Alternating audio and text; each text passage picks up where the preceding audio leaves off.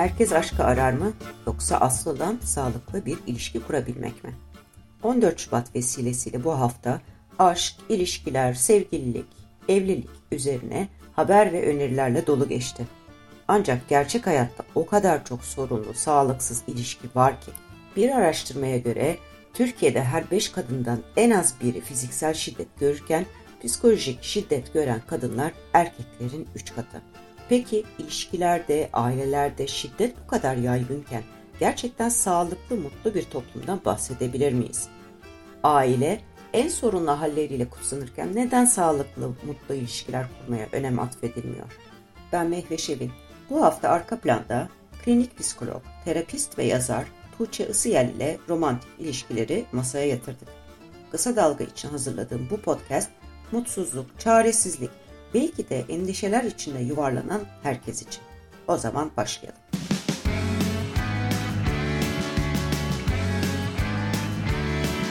Kulağınız bizde olsun. Kısa Dalga Podcast. Merhaba, Tuğçe Isıyel, terapist, klinik psikolog ve yazar. Hoş geldiniz yayınımıza. Hoş bulduk, teşekkür ederim. Merhabalar. Merhaba. E, Tuğçe Hanım, siz e, aynı zamanda aile ve çift terapisi yapıyorsunuz değil mi Polente Psikoloji'de? Evet, yetişkinlerle, ailelerle ve çiftlerle çalışıyorum.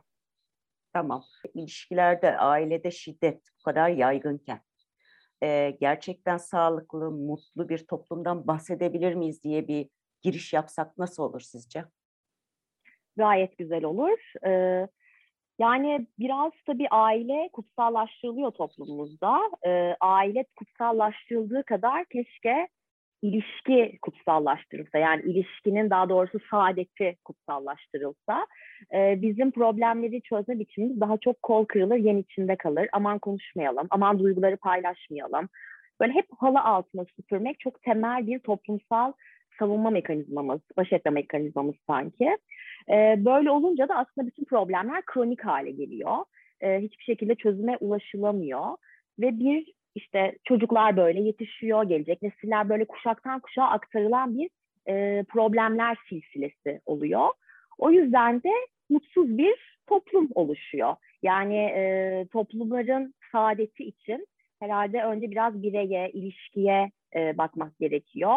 Daha çok böyle işte ailenin, o aile idealinin etrafında o kadar çok toplanıyor ki yani işte böyle toplumsal normlar var üniversiteden mezun olursunuz, işte evlenirsiniz, çoluk çocuk sahibi olursunuz.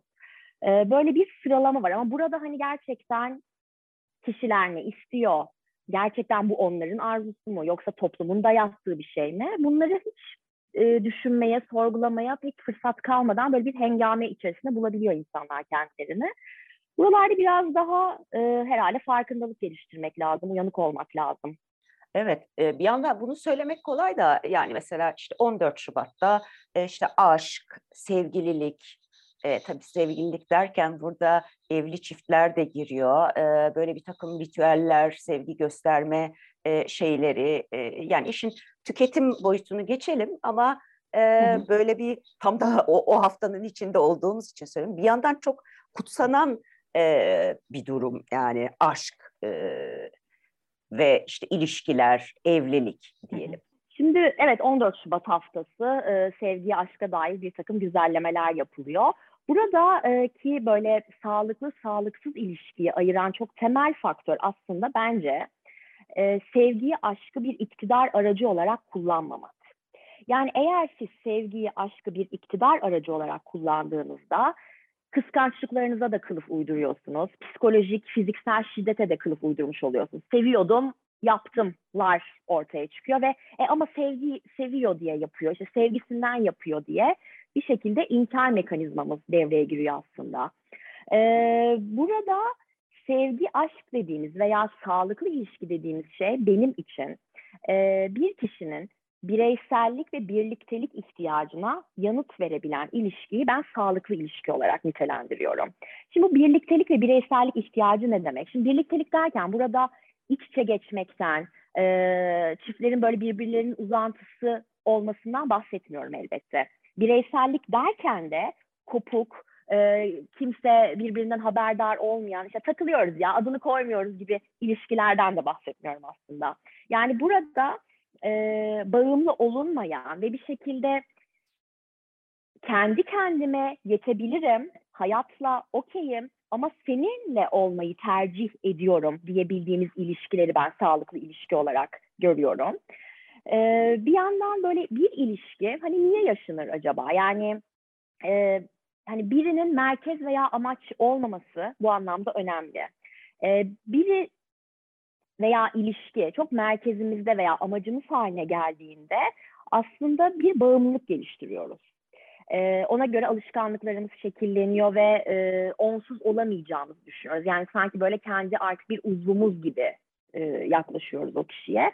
Bu çok kişiyi ve ilişkiyi çok çoraklaştırmaya götüren bir şey. Yani ilişki dediğiniz nefes alıp vermeli. Ee, bir şekilde ya böyle aklıma böyle keten kumaşlar geliyor mesela değil mi? Böyle pamuklu, keten böyle organik bir kumaş düşünelim. Böyle nefes alıp verir, terletmez, üşütmez. Böyle hissi güzeldir, yumuşaktır. Ama bir de böyle naylon bir kumaşı düşün. Evet belki parlak gözüküyordur, çok güzel albenisi vardır ama terletir, kayar, işte sıcak tutmaz. Ee, sağlıklı ilişki dediğimiz şey kişilerin hem birbirinden beslendiği hem de dışarıdan beslendiği bir ilişki bence. Yani dışarıdan derken e, hayattan beslenebildiği bir ilişki, muhabbetlenebilen bir ilişkiyi sağlıklı ilişki olarak e, görüyorum. Bir de tabii tek olunmadan çift olunmuyor aslında.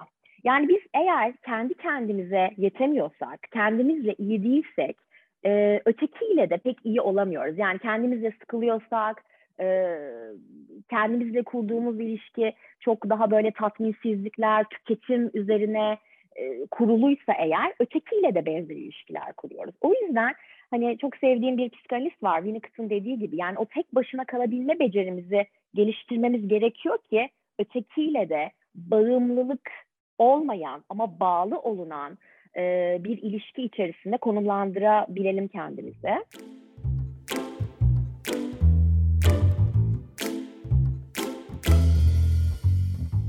Yani bu anlamda sağlıklı ilişki aslında üretebilen, yaratıcı bir ilişki demek. Ee, kişilerin belli bir role sıkıştığı, belli kalıplara sıkıştığı, toplumsal normlara sıkıştığı ilişkiler çok kasvetli, çok e, klostrofobik geliyor bana. Yani oradan kaçmak istersiniz. Kaçamadığınız noktada da zaten artık oraya mahkum e, edersiniz kendinizi, maruz bırakırsınız. Ve e, işte bağışıklık sisteminizde düşer, depresyona da girersiniz. Ondan sonra mutsuz çocuklar da yetiştirirsiniz. İşinizde de verimsiz olursunuz, uyuyamazsınız da. Dolayısıyla e, bu da böyle bir toplumu şekillendirir aslında. Ama kişiyi dönüştürebilen, kendi potansiyelinin ortaya çıkmasına izin veren, kendini gerçekleştirmesine olanak sağlayan ilişki de elbette çok kıymetli. Bu her türlü ilişki. Hem romantik ilişki içinde geçerli, dostluk ilişkileri de içinde geçerli diyebilirim. Mesela bu e, bağımlı ve bağlı olma halini belki biraz açmakta fayda var mı? Yani kişi bunun ayırdığına nasıl varabilir? Yani ben sağlıksız bir ilişkideyim demesi e, çok kolay bir şey olmasa gerek. Hı hı. Yani burada tabii sağlıksız ilişki derken e, şöyle düşünebiliriz. Yani mesela bedenimize sağlıksız gelen şeyleri düşünelim. E, değil mi? Mesela mideniz ağrıyabilir, dokunur size e, böyle iyi olmayan, bayat bir şey yediğinizi düşünün. Size iyi gelmeyen, bünyenize iyi gelmeyen bir şey yediğinizi düşünün. İşte mideniz ekşir, bağırsaklarınız bozulur, işte bir takım alerjik reaksiyonlar verebilirsiniz. Şimdi sağlıksız ilişki de aslında sizin bünyenize ne kadar uygun? Yani orada e, aklıma şunlar geliyor. Yani acaba o ilişki sürekli kendinizden şüphe duymanıza yol açan bir ilişki mi? Veya arkadaşlarınızdan, hobilerinizden, sevdiğiniz şeylerden kopartılmaya çalıştığınız bir ilişki mi? Kendinizi değersiz hissettiğiniz ve değersizleştirdiğiniz, değersizleştirildiğiniz bir ilişki mi? Ee, özgüveninize, kişiliğinize saldırılan bir ilişki mi? Manipülasyonlara uğradığınız bir ilişki mi? Yani böyle bazı ilişkilerde mesela aptala dönebilirsiniz. Ya şimdi bu böyle mi oldu gerçekten? Hani böyle beyninizle oynanıyormuş gibi hissedebilirsiniz. Hani bir şekilde iletişim kanallarının kapalı olduğu, kişilerin e, birbirlerinin duygularını gerçekten dinlemeye, gönüllü olmadığı ilişkileri ben biraz e, sağlıksız ilişki olarak görüyorum. Yani mesela karşı tarafa sürekli açıklama yapma ihtiyacım hissediyorsunuz. E, işte sürekli ilişkide küsen, alınan birileri mi var? Yani mesela küsmek çok korkunç bir şey bir ilişkide bence.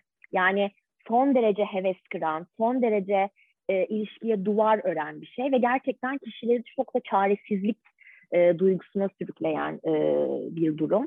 Hani bunlara böyle maruz kalıyorsanız veya işte bir güç dengesizliği varsa ilişkide, biri bir diğerinin üzerinde iktidar kurmaya çalışıyorsa, üstelik aşkı, sevgiyi buna alet ediyorsa bunlar bana sağlıksız e, ilişki çağrışımları yapan şeyler.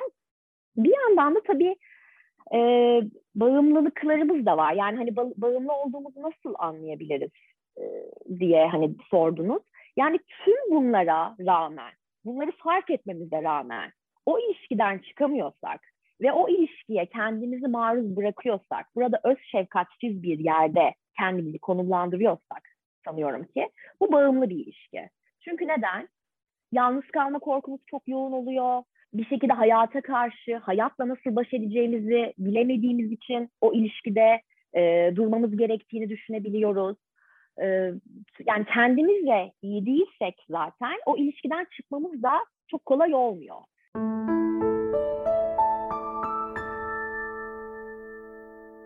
Alınganlık, küsmeler falan filan çok normal görülen bizim toplumumuzda özellikle. Hani sadece eşler arasında değil, e, anneler mesela çok küser e, çocuklarına. Şimdi küsmek aslında öğrenilen bir şey. Yani e, bir sorun çözme yöntemi olarak yanlış e, bir baş etme yöntemi olsa da öğrenilen bir şey. Yani ben küsen bir çift e, gördüğümde seanslarda çok merak ediyorum. Annesi mi küsüyormuş, babası mı küsüyormuş acaba? Yani köken aileden kim küsüyor da bu adam veya bu kadın küsmeyi öğrenmiş diye sorarım. Çünkü o böyle çok aktarılan bir şey. Fakat çok ciddi bir psikolojik şiddet aslında küsmek. O sessizlikler, yok sayma, e, korkunç bir psikolojik şiddet ve ilişki üzerinde korkunç bir duvar oluşturan bir şey. Yani ve ilişkiye bir sindi mi gerçekten bunu kaldırmak da çok güç. Yani o yüzden o ilişki paternlerinde e, sorun çözme yöntemlerini yöntemleri çerçevesinde neyi kullandığınız veya neyi kullanmadığınız çok önemli. Çünkü bazı şeyler gerçekten siniyor ve bir kere yapılmaya görsün. Küsmek de böyle bir şey. Yani şiddet, evet fiziksel şiddet, kadına şiddet gerçekten e, hele ülkemizde e, korkunç boyutlarda. Fakat bir de çok az konuştuğumuz psikolojik şiddet var. Küsme bunların başında geliyor. Buna bir parantez açacağım ama işte sağlıksız e, ilişkiyi tanımlarken e, bir de son zamanlarda toksik ilişki deniyor. Her sağlıksız evet. ilişki toksik ilişki midir? E, toksik ilişki nedir? Toksik ilişki işte tüm bunlar aslında. Yani kişiye iyi gelmeyen, bünyesine iyi gelmeyen ama e, bir şekilde oradan çıkabilme gücünü de e, bulamadığımız ilişkiler toksik ilişki. Yani evet sağlıksız ilişkileri ben bir şekilde toksik ilişki olarak görüyorum. İyi gelmiyor yani. E, kendinizle ilişkiniz bozuluyor, çevrenizle ilişkiniz bozuluyor. Umutlu bir yerde duramıyorsunuz hayatın mesela. Canlılığınızı yitiriyorsunuz. Yorgun hissediyorsunuz, cansız hissediyorsunuz. Buralarda hep o ilişki, nasıl bir ilişki yaşadığımıza, nasıl bir ilişki tarihinden geldiğimize bakmamız gerekiyor. Yani tabii sağlıklı veya sağlıksız ilişkiler de gökten zembille inmiyor. Dediğim gibi yani insan aslında bir ilişkiler tarihi yazıyor doğduğu günden itibaren. O ilişkiler tarihinde biz çok sayıda yaralar alıyoruz, travmalarımız var ama iyileştirici deneyimler de yaşıyoruz. Bunlar üzerine düşünmek, o yaraları, travmaları e, bir şekilde işleyebilmek, kayıpların yasını tutabilmek bizi aslında daha e, kendimizi konforlu hissettiğimiz, iyi hissettiğimiz, doyumlu hissettiğimiz, e, üretken hissedebildiğimiz ilişkilere de sürüklüyor.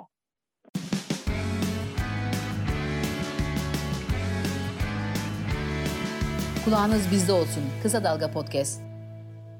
Şimdi inkar çok her birimizin zaman zaman başvurduğu çok güçlü bir savunma mekanizması aslında. Yani inkar ediyoruz bir takım gerçeklikleri. Yüzleşmekten kaçınıyoruz. Çünkü yüzleştiğimizde başımıza iş alacağız. Yani ortalık dağılacak. Hani kim toparlayacak onları gibi bir yerde duruyoruz. Ama ortalığın toparlanması lazım ki e, bir şekilde o e, sağlıklı ilişki de oraya gelsin aslında. Şimdi evet yani çocuk bir, bir ilişkiye doğuyor dedik. Önce anneyle kurduğu ilişkiye doğuyor ve hikaye daha anne karnından itibaren başlıyor. Yani annenin nasıl bir hamilelik süreci geçirdiği, bebeği nasıl zihin, zihninde taşıdığı, e, bunların hepsi son derece insan ruhsallığını etkiliyor. E, şimdi eğer doğduktan sonra anneyle kurulan ilişkide kişi güvenli bir ilişki geliştirebildiyse, yani e, kendi başına olmanın bir eksiklik olmadığını e, farkındaysa, kendi başına durabiliyorsa, e, aslında güvenli ilişkiler ve güvenli bağlılıklar yaşıyor. Ama eğer çocukluğunda terk edilme korkusu yaşayan bir çocuksa, ihmal edilmişlikler yaşamışsa, e, istismarlara uğradıysa e, fiziksel ya da psikolojik, e, güvensiz bir bağlanma stili geliştiriyor. Yani bırakabilir, gidebilir, beni terk edebilir. E, ya da tutarsız mesajlar aldıysa ebeveynlerinden, bu da çok önemli. Yani bir gün seviyorsa, bir gün sevmiyorsa, işte bir gün iyi davranıyorsa, bir gün kötü davranıyorsa.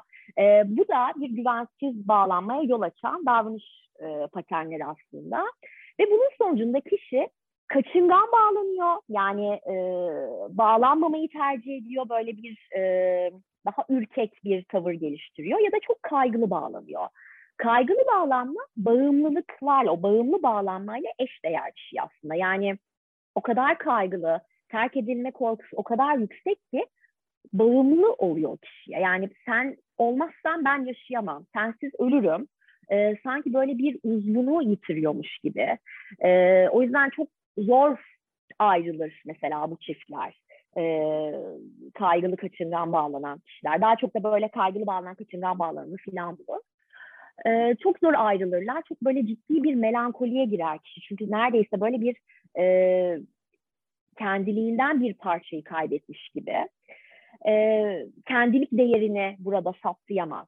E, kendisine işte güvensiz bağlanıyorsa, bağımlılıklar geliştiriyorsa aslında bir şekilde değersiz hissettiği ve kendisine değersiz hissettirilebilecek ilişkilere e, meyleder. O yüzden her şeyde böyle daha yani e, manipülasyonlara da okey diyebilir. Ondan sonra ne, çünkü onu terk etmesin. İşte aza tamah edebilir. Çünkü onu terk etmesin. E, susabilir e, çünkü onu terk etmesin diye bir takım e, davranış paternleri geliştirebilir. Şimdi babalık işlevi burada nasıl bir önemi var? Öncelikle baba derken burada daha lakancı bir taraftan aslında o anne ve çocuk ilişkisini bölen bir üçüncünün varlığından bahsedelim. Yani illa baba olmak zorunda değil. Hani e, çocuğunu yani tek başına yetiştiren anneler de olabilir burada. Fakat buradaki mesele yani babalık işlevi derken aslında o anne çocuk ilişkisine orada bağımlılığı engelleyecek bir üçüncünün varlığından söz ediyoruz. Buna baba diyoruz. Baba diyelim yani. Burada annenin zihninde babanın nasıl taşındığı e, veya bir üçüncünün yani bu annenin kariyeri de olabilir, işte ne bileyim e, hobileri de olabilir, bir sosyal çevresi de olabilir veya işte eşi, partneri neyse o da olabilir. Burada anne baba, baba annenin zihninde nasıl temsil ediliyor ve baba sağlıklı bir otoriteyi temsil ediyor mu? Yoksa gücünü kötüye mi kullanıyor? Ee, ya da ortalıkta yok mu? Var mı? Ne kadar var? Ee, orada bir tutarsızlık var mı? Yoksa böyle daha sürekli olan bir şey mi var? Hani bunların hepsi tabi bu böyle çok kadın erkek e, açısından da değişkenlik gösteren meseleler ama böyle genel boyutlarıyla ele alacak olursak e, çok önemli. Yani baba çünkü biraz daha böyle otoriteyi temsil eden e, bir yerde duruyor aslında daha hani hmm, çünkü dil gelişimiyle birlikte aslında baba devreye giriyor. Çünkü anne çocuk aslında çok böyle ikili bir takımken baba sonradan sahneye davet ediliyor. Ama önce annenin zihninde nasıl temsil edildiği babanın önemli. Bir de tabii anne baba çift olarak nasıl rol modeller? Yani boşanmış bir anne baba olsa bile orada yine ilişki var ve onlar sonuçta ebeveynlikten boşanılmıyor. Nasıl bir rol modeller? Yani illa birlikte olmalarına gerek yok. Problemleri nasıl çözüyorlar, nasıl işbirliği kuruyorlar, duyguları nasıl paylaşıyorlar, birbirlerinin duygularına karşı e, tahammül düzeyleri nedir, E, bunların hepsi aslında çocuğun iç dünyasının e, gelişmesi ve ilişkiler, sağlıklı ilişkiler kurabilmesi ya da kuramaması boyutunda çok önemli. Şeyi de düşünmek lazım. Yani burada böyle masalların, filmlerin verdiği e, bir şey var. Yani böyle o inişleri, çıkışları böyle aşk zannetme hadisesi. Yani böyle çok böyle sağlıklı ve normal ve işte aşkın tabiatında bu varmış falan gibi bir durum var. Aslında bu çok böyle süreksiz, o tutarsız bir şeyi de çağrıştırıyor bana. Yani e, ne bileyim mesela bazı kişilerin böyle gerçekten huzur arıyorlar ama o huzura ne kadar yer açılabiliyor iç dünyalarında, orada ne kadar durulabiliyor yoksa o iniş çıkış ve çatışmadan beslenen bir taraf mı var? Ve böyle bir gün iyi, bir gün kötü olduğunuz ilişkiler, bir gün böyle göklere çıkarıldığınız, bir gün yerin dibine e, batırıldığınız ilişkiler. İşte e, bir gün çok yakınken, ertesi gün neden olduğunu anlamadığınız bir şekilde uzak düştüğünüz e, ilişki biçimleri olabilir. Buradan tabii böyle daha narsizme giden bir e, yol da var. Çünkü narsistik ilişkiler özellikle çağımızda çok yaygın e, bu narsistik ilişkiler artık. Bu biraz tabii ki demin konuştuğumuz o anne annenin çocuk yetiştirme biçimleriyle de ilişkili yani. Bir haldeyse yani işte aslansın, paşasın, kaplansın diye böyle e, genelde erkek çocuklarına yapılıyor ama erkek çocukları ya da prensesim diye sevilen belki kız çocukları da olabilir ama yine de bu e, narsistik ilişkilerde e, yani yapılan araştırmalara göre erkeklerde bu e, narsistik kişilik bozukluğunun daha yaygın olduğunu biz biliyoruz. Her yani mesela sağlıksız bir ilişkiyi e, nasıl sağlıklı bir hale getirebiliriz gibi bir e, hani soruyla devam edecek olursak kişilerin dönüşmeye ve değişmeye aslında gönüllü olmalarıyla olacak bir şey. Bu ne demek? Kendi içindeki arızaları, problemleri çözmeye gönüllü olmak. Ondan sonra kendini merak etmek, kendi iç dünyanı merak etmek, dolayısıyla ötekinin iç dünyasını merak etmek, kendi duygularını kapsamak, e, ötekinin duygularını da kapsamaya aslında yol açıyor. Yani biz kendimizle, kendi duygularımıza karşı hoşgörülü olamıyorsak, o, o duyguları merak etmiyorsak, ötekinin duygularına karşı da e, ilgili ve meraklı olamıyoruz aslında. Sevgi bir noktada karşı tarafın sınırlarına saygı duyabilmeyi de gerektirir. Yani mesela bu çok önemli bir şey. Yani sınırlara saygı duyma, kişisel sınırlara, tarumar etmemek. Evet, her ilişkide o sınırlar bir şekilde tekrar gelişiyor, dönüşüyor, tahrip ediliyor, yeniden inşa ediliyor. Bunlarda bir problem yok. Ama o sınırlara e, saygı duymak. Yani e, çok böyle klişedir hani sevgi, saygı, birbirimize saygı duyalım filan. Ama klişe değil yani saygı gittiğinde e, artık sevginin de gelişebileceği bir zemin ortadan kaybolmuş oluyor aslında. Sağlıksız bir ilişkiden kurtulunabilir mi? Tabii ki kurtulabilir diyeceksiniz çünkü bu şey. ee, e, ama en azından ne gerekiyor kurtulmak için diyelim. Hmm. Ya şimdi ilişkiler böyle fevkalade bizi dönüştürücü şeyler. Yani e, hani yani istediğiniz kadar terapilere gidin, işte ne bileyim seyahatler edin, kitaplar okuyun falan filan. Ama böyle bir ilişki aslında insanı çok dönüştürüyor. Yani orada çünkü kendinizle karşılaşıyorsunuz. Ee, güçlü taraflarınızla da karşılaşıyorsunuz, geliştirmeniz gereken taraflarla da karşılıyorsunuz. Yani bir ilişki kişiyi çok güzel aynalıyor romantik ilişkilerden bahsedelim. Yani her ilişki aynı oluyor ama en çok da gerçekten en yakınınıza aldığınız ilişki elbette sizi aynalıyor. Orada kendinizi çok net bir şekilde görüyorsunuz. Ötekinin gözünden kendinizi görüyorsunuz ve bir ilişki inşa ediyorsunuz. Burada bazen artık yani hmm, ben böyle her e, ilişkinin yani her geçmiş ilişkinin aslında bir sonraki ilişkiyi belirlediğine inanıyorum. Yani geçmiş ilişkide aldığımız bir takım yaraları aslında belki de e, başka bir ilişkiye tutunarak sarmaya çalışıyoruz. Şimdi burada bir risk var. Yani e, evet ilişkiler dönüştürücü falan filan ama eğer arada bir es vermiyorsak, yaz tutmuyorsak aslında e, o ilişkideki bir önceki ilişkide yaşadığımız zorlukları bir sonraki ilişkileri tekrarlama olasılığımız çok artıyor. E, şimdi sağlıksız ilişkiler buralarla belirleniyor. Sağlıksız ilişkiden kurtulmak elbette mümkün. E, sağlıksız ilişkiyi sağlıklı bir ilişki haline getirebilmek de mümkün. Yani sonuçta e, o zaman çift terapistliği e, diye bir e, alan olmazdı zaten. Ama nasıl? Kişilerin buna gönüllü olması gerekiyor. İki kişinin de, tek kişinin bir ilişkiyi iyileştirmek istemesi kesinlikle yetmez. Tek kişinin bir ilişkide motor olması bir süre sonra zaten o kişinin şarjını da bitirecek bir şey olacaktır. O yüzden iki kişinin de gönüllü olmaya, dönüştürmeye, o ilişkiye canlı tutmaya, canlı kılmaya e, istekli e, olması önemli. Sağlıksız ilişkiden bireysel olarak nasıl kurtuluruz? Herhalde orada işte öz şefkatli bir yan burada devreye giriyor. Yani burada e, daha o kendilik değerimizi görmek, kendimizle ilgili çalışmamız yani ruhsal olarak çalışmamız gereken yerleri tespit etmek. Çünkü ayrılamadığımız belki de kendimizle ilgili bir taraf. Belki de ilişki değil. Yani bizim ilişkide kendimize dair ortaya çıkan bir yerden de biz ayrılmak istemiyor olabiliriz.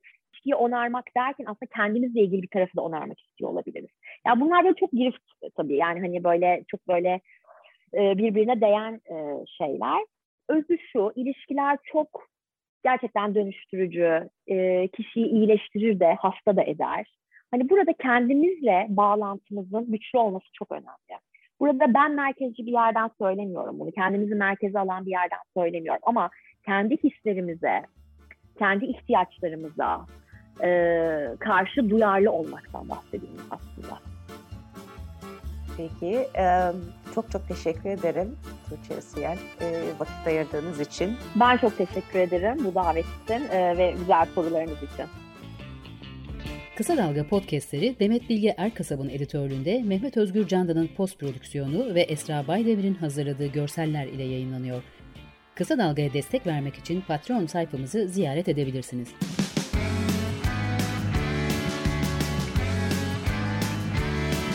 Kulağınız bizde olsun. Kısa Dalga Podcast.